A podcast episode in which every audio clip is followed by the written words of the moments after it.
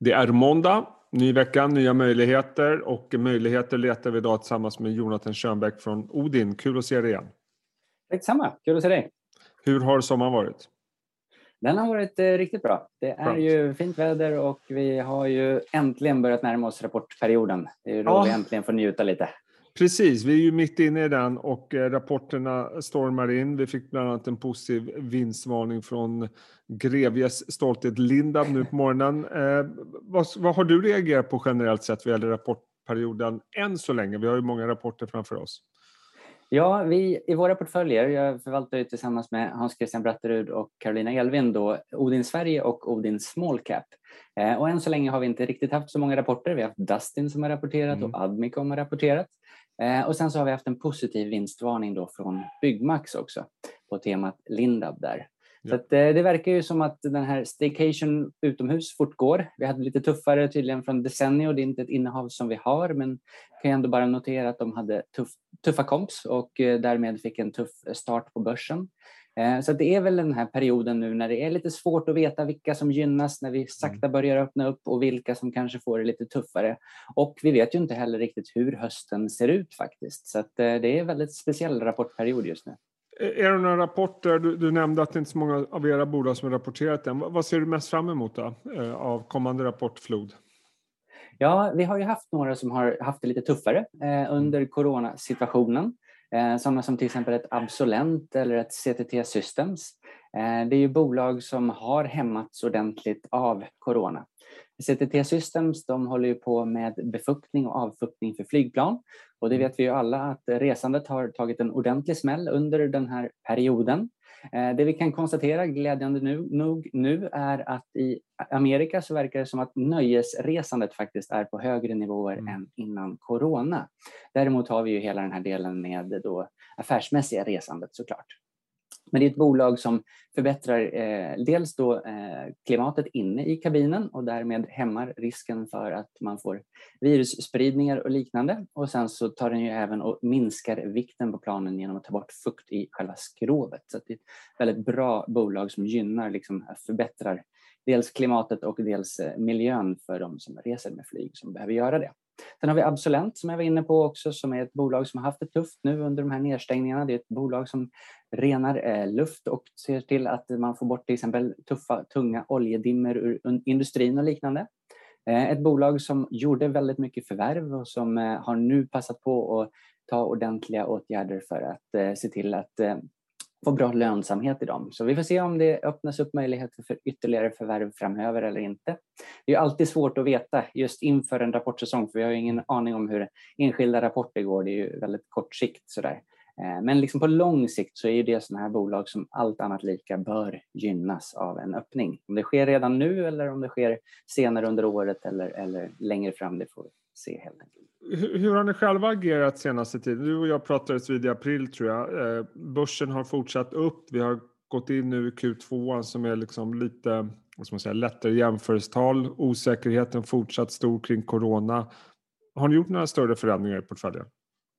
Ja, om vi tittar på Odin Small Cap till exempel så har vi exempelvis ökat eh, rätt så mycket i Stibtech och det gjorde vi i, faktiskt i början av juni. Ja. Eh, vi hade en, ett bra samtal med eh, VD Jakob där. Eh, vi pratar alltid långsiktig bild och det var ändå lite intressant att notera att de har ett ordentligt ma team på plats nu. Eh, det är ju eh, sex stycken som jobbar heltid med att scouta förvärv och och eh, tre stycken som jobbar deltid med att scouta förvärv. Så det är ju liksom en ordentlig pipeline av förvärv. Och det är klart att under en sån här coronasituation så har det varit svårare för dem att vara ute och träffa bolagen. Så att får vi en öppning så borde de ju rimligtvis mm. kunna vara ute lite mer och träffa bolagen. Men trots det så har de lyckats göra riktigt bra eh, faktiskt förvärv till exempel av Rolec då, som är sån här UK-baserat eh, laddbolag inom, inom till exempel elbilsladdning och liknande. Tycker du att, får jag fråga där bara, när det gäller Stiptech och deras förvärv och så vidare, tycker du att de, alltså man får, en del förvaltare jag pratar med tycker att deras due diligence, deras investeringsprocess är på en lite högre nivå än många andra av de här compounders, att de har ett mer gediget arbete. Håller du med om det? Ja, alltså det, det som vi framförallt diskuterade då senast, det var mm. just det här att de har ju sedan de gick till börsen gått från att helt vara i princip beroende av externa parter för att få in mm. deals, deal flow så att säga, mm. till att göra det helt in-house. Och som jag var inne på, när du har ett sånt ma team ja då får du en väldigt bra eh, kunskap, du får en väldigt bra pipeline. Eh, jag får mig att de tittar på ungefär 40 till 50 bolag per vecka och sen så kontaktar de ungefär fem bolag i veckan mm. för att just diskutera och se om det kan finnas någon intressant möjlighet att, att eh, förvärva dem. Men då är ju många inte redo för de har ju inte gått till någon sån här mäklare för att sälja bolaget. Mm. Utan då kan det ju bli långa processer och sen när de faller in eller inte, ja det vet man ju inte.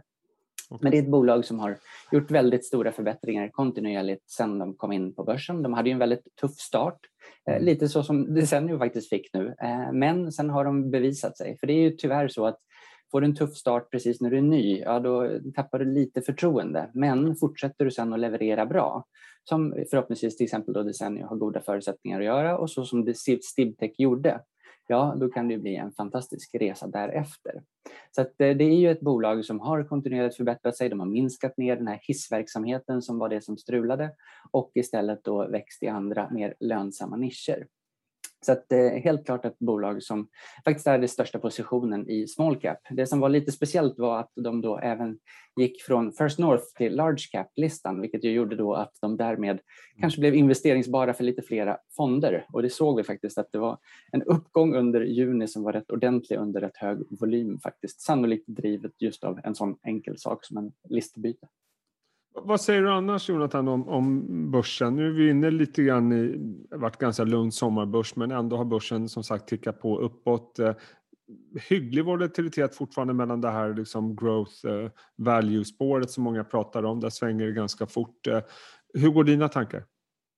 Ja, nej men det brukar ju alltid vara så att just i rapportsäsongen det är då man får liksom lite betyget mm. på hur, hur det går i underliggande i bolagen. Så det är extremt svårt för mig nu att stå och säga någonting och sen som två veckor så är det visat sig att det är helt andra bilder ute på vad som händer faktiskt. Eh, men allt annat lika så är det, som jag lite ofint brukar säga, skönt att slippa den här makromisären som vi alltid hamnar i mellan rapportperioder. När det alltid är fokus på räntor och på massa andra saker som kanske inte är fullt ut bolagsspecifika, vilket ju är det vi verkligen gillar och njuter av. Eh, så det är väldigt, väldigt skönt att komma in i rapportperioden för det är då vi kan syna våra bolag. Och under året och även under corona så har det varit väldigt bra leverans av bolagen. Men nu ser vi ju den här situationen där det kanske har skruvats upp förväntningarna. Eh, man har väldigt lätta komps så att vi har ju kanske vissa fall där vinsten ska växa enormt.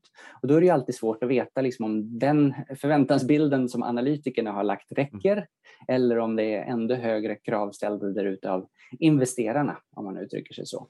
Eh, så det blir intressant att se vad det blir för typ av rapportsäsong som kommer nu. Men vi har ju sett några positiva vinstvarningar så eh, det är väl det här risken att just den här rapportsäsongen kan nog bli rätt så volatil. Just drivet av att det är svårt att säga nu med de här totala lockdowns som vi hade för ett mm. år sedan och den situation vi är i nu där du kanske har haft en bra situation givet att eh, du fortfarande har jobbat, jobbat hemifrån så att säga, haft låga kostnader på det sättet och samtidigt kanske efterfrågan har tagit fart parat med att i vissa fall så kanske du har haft lite leveransproblem istället. Då.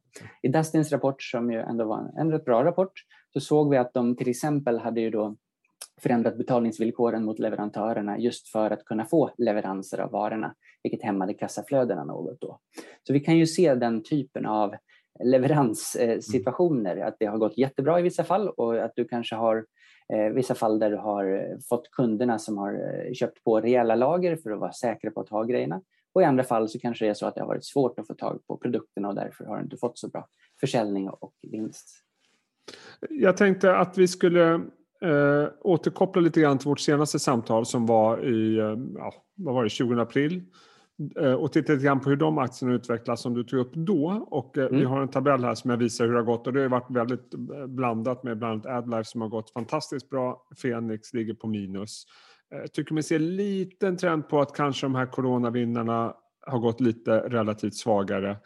Hur skulle du sammanfatta utvecklingen för de aktierna? Jo, nej, men det är ju klart att många har ju blivit lite oroade över hur mm. det ska gå nu när allting öppnas och man ställer om igen. Eh, tar man ett Fenix så har ju mm. de hämmats generellt faktiskt om man är sån, av Konkenförsäljningen, eh, för den är driven rätt mycket av turistflöden i större städer. Eh, men de har ju gynnats då istället av att man har gett sig ut och vandrat och köpt byxor och liknande. Eh, så det är ju svårt att säga liksom hur det kommer slå i mm. vissa fall där. Eh, ta ett AdLife så har ju de gynnats fortsatt av mycket testning och liknande. De gjorde ju två fantastiska förvärv och det är ju en bolagskultur som skapar värden som är svåra att överskatta faktiskt på sikt för det är en otrolig maskin. Det är ett innehav som vi har ägt i Odin Sverige via AdTech faktiskt i 20 år. Och det är ju det som är så glädjande att när man hittar de här fantastiska mm. bolagen som är compounders, att man kan äga dem på riktigt, riktigt lång sikt. Och om man, eh, även Nimbus var, pratade vi om förra gången. Eh, de kom in på börsen i februari på 52 kronor om jag minns rätt. Står väl i 74-75 spänn just nu. Eh, kraftigt upp från introduktionskursen men inte varit sådär övertygande resa sen själva introduktionen. Det här borde ju vara den här tiden då de verkligen vad ska man säga, lyser när det är sommar och bra väder och så vidare. Hur, hur går tankarna där? Nej, men absolut. Det är ju ett bolag som också har gynnats mm. mycket av corona eh, och som har väldigt goda förutsättningar ändå att fortsätta eh, gynnas även framöver. Och när de väl börjar hämmas av att gynnas av corona så att ja. säga, ja då kanske de istället kan börja göra ordentliga förvärv där ute. Sen de kom in på börsen så har de ju gjort ett förvärv av Marine Store eh, som är en återförsäljare här i Stockholmstrakten av båtar eh, som kommer att gynna de underliggande på vinsten framöver. Eh, vi var ute och besökte några återförsäljare här och det är fantastiskt att se det engagemang som finns där. Och många av de som har jobbat i återförsäljarledet här i Stockholm har varit i bolaget i mer än 30 år. Och det är en enorm styrka att ha så otroligt duktiga och kompetenta personer där ute. Så att, eh, det är ju ett bolag som är faktiskt väldigt välskött. De hade ju en tuff period men med nya huvudägaren R12 så är det väldigt välskött och det leds i rätt riktning kontinuerligt. Och båtbranschen är ju en sån bransch som är, ligger lite efter så att säga, mm. bilbranschen i, i, eh, i professionalitet, dels i produktionen och dels i eh, återförsäljarledet. Eh, men det är ju en bransch som kontinuerligt förbättras. Och där i den eh, häraden så gör Nimbus det väldigt, väldigt bra jämfört med många konkurrenter där ute. Och gör de det bara lite bättre hela tiden så blir det en väldig styrka i det på lång sikt. Eh, att aktien inte har tokrusat, det är för oss nästan bara positivt därför att vi investerar ju på lång sikt och om aktier rusar enormt just vid en IPO så är det ju stor risk att det byggs in lite för stora förväntningar som då blir svåra att leva upp till för bolagen. Och där i vill vi ju hellre se en kontinuerlig leverans och en kontinuerlig utveckling i aktiekursen över tid. Vi tittar ju på historisk prestation, nuvarande position och pris. Och där tycker vi att det är ett bra bolag som har haft en fin historisk prestation, är välpositionerade i sin nisch och har goda förutsättningar att göra förvärv ifall hela den här coronasituationen skulle börja minska i sin styrka. Och sen så är det attraktivt prissatt.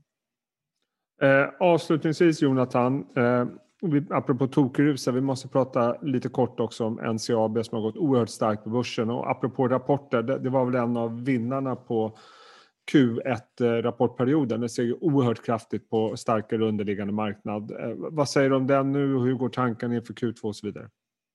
Ja, alltså, återigen, det är otroligt svårt att säga om mm. enskilda rapporter. Eh, så att vad jag säger nu kan ju få helt annat ljus om, när de väl har rapporterat.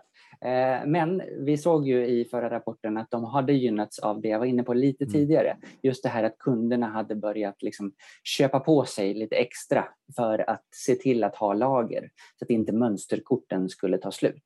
De tillverkar ju liksom det gröna inuti elektronik som man sen sätter kretsar på. Ja. Och vi har ju sett till exempel Husqvarna faktiskt haft problem med sina kretskort då i de här eh, robotgräsklipparna. Eh, nu är inte det NCAB som är involverade i det så vitt vi har förstått i alla fall, vilket ju är glädjande. Men det visar ju just på vikten av att ha hög kvalitet i dels då mönsterkorten men sen också i kretsar och liknande. Och det är därför väldigt kostsamt när man inte går på hög kvalitet. Mm. Och NCAB de tillverkar ju som sagt var mönsterkorten, de tillverkar i mindre serier och de tillverkar av väldigt hög kvalitet. Så de vänder sig till väldigt bra kunder. Och har gynnats till exempel då under corona av den här situationen med att många inom medtech-sfären har eh, så att säga, tillverkat mycket produkter. Sen har vi också sett där då ett antal fortsatta förvärv. De gjorde ju många väldigt fina förvärv. De var väldigt mm. aktiva förvärvsmässigt under förra året. Det är samma huvudägare i NCAB som i Nimbus, alltså R12 Group. Och därför, som vi var inne på, så kanske man kommer kunna se det också i Nimbus framöver mm. ifall det hämmas lite.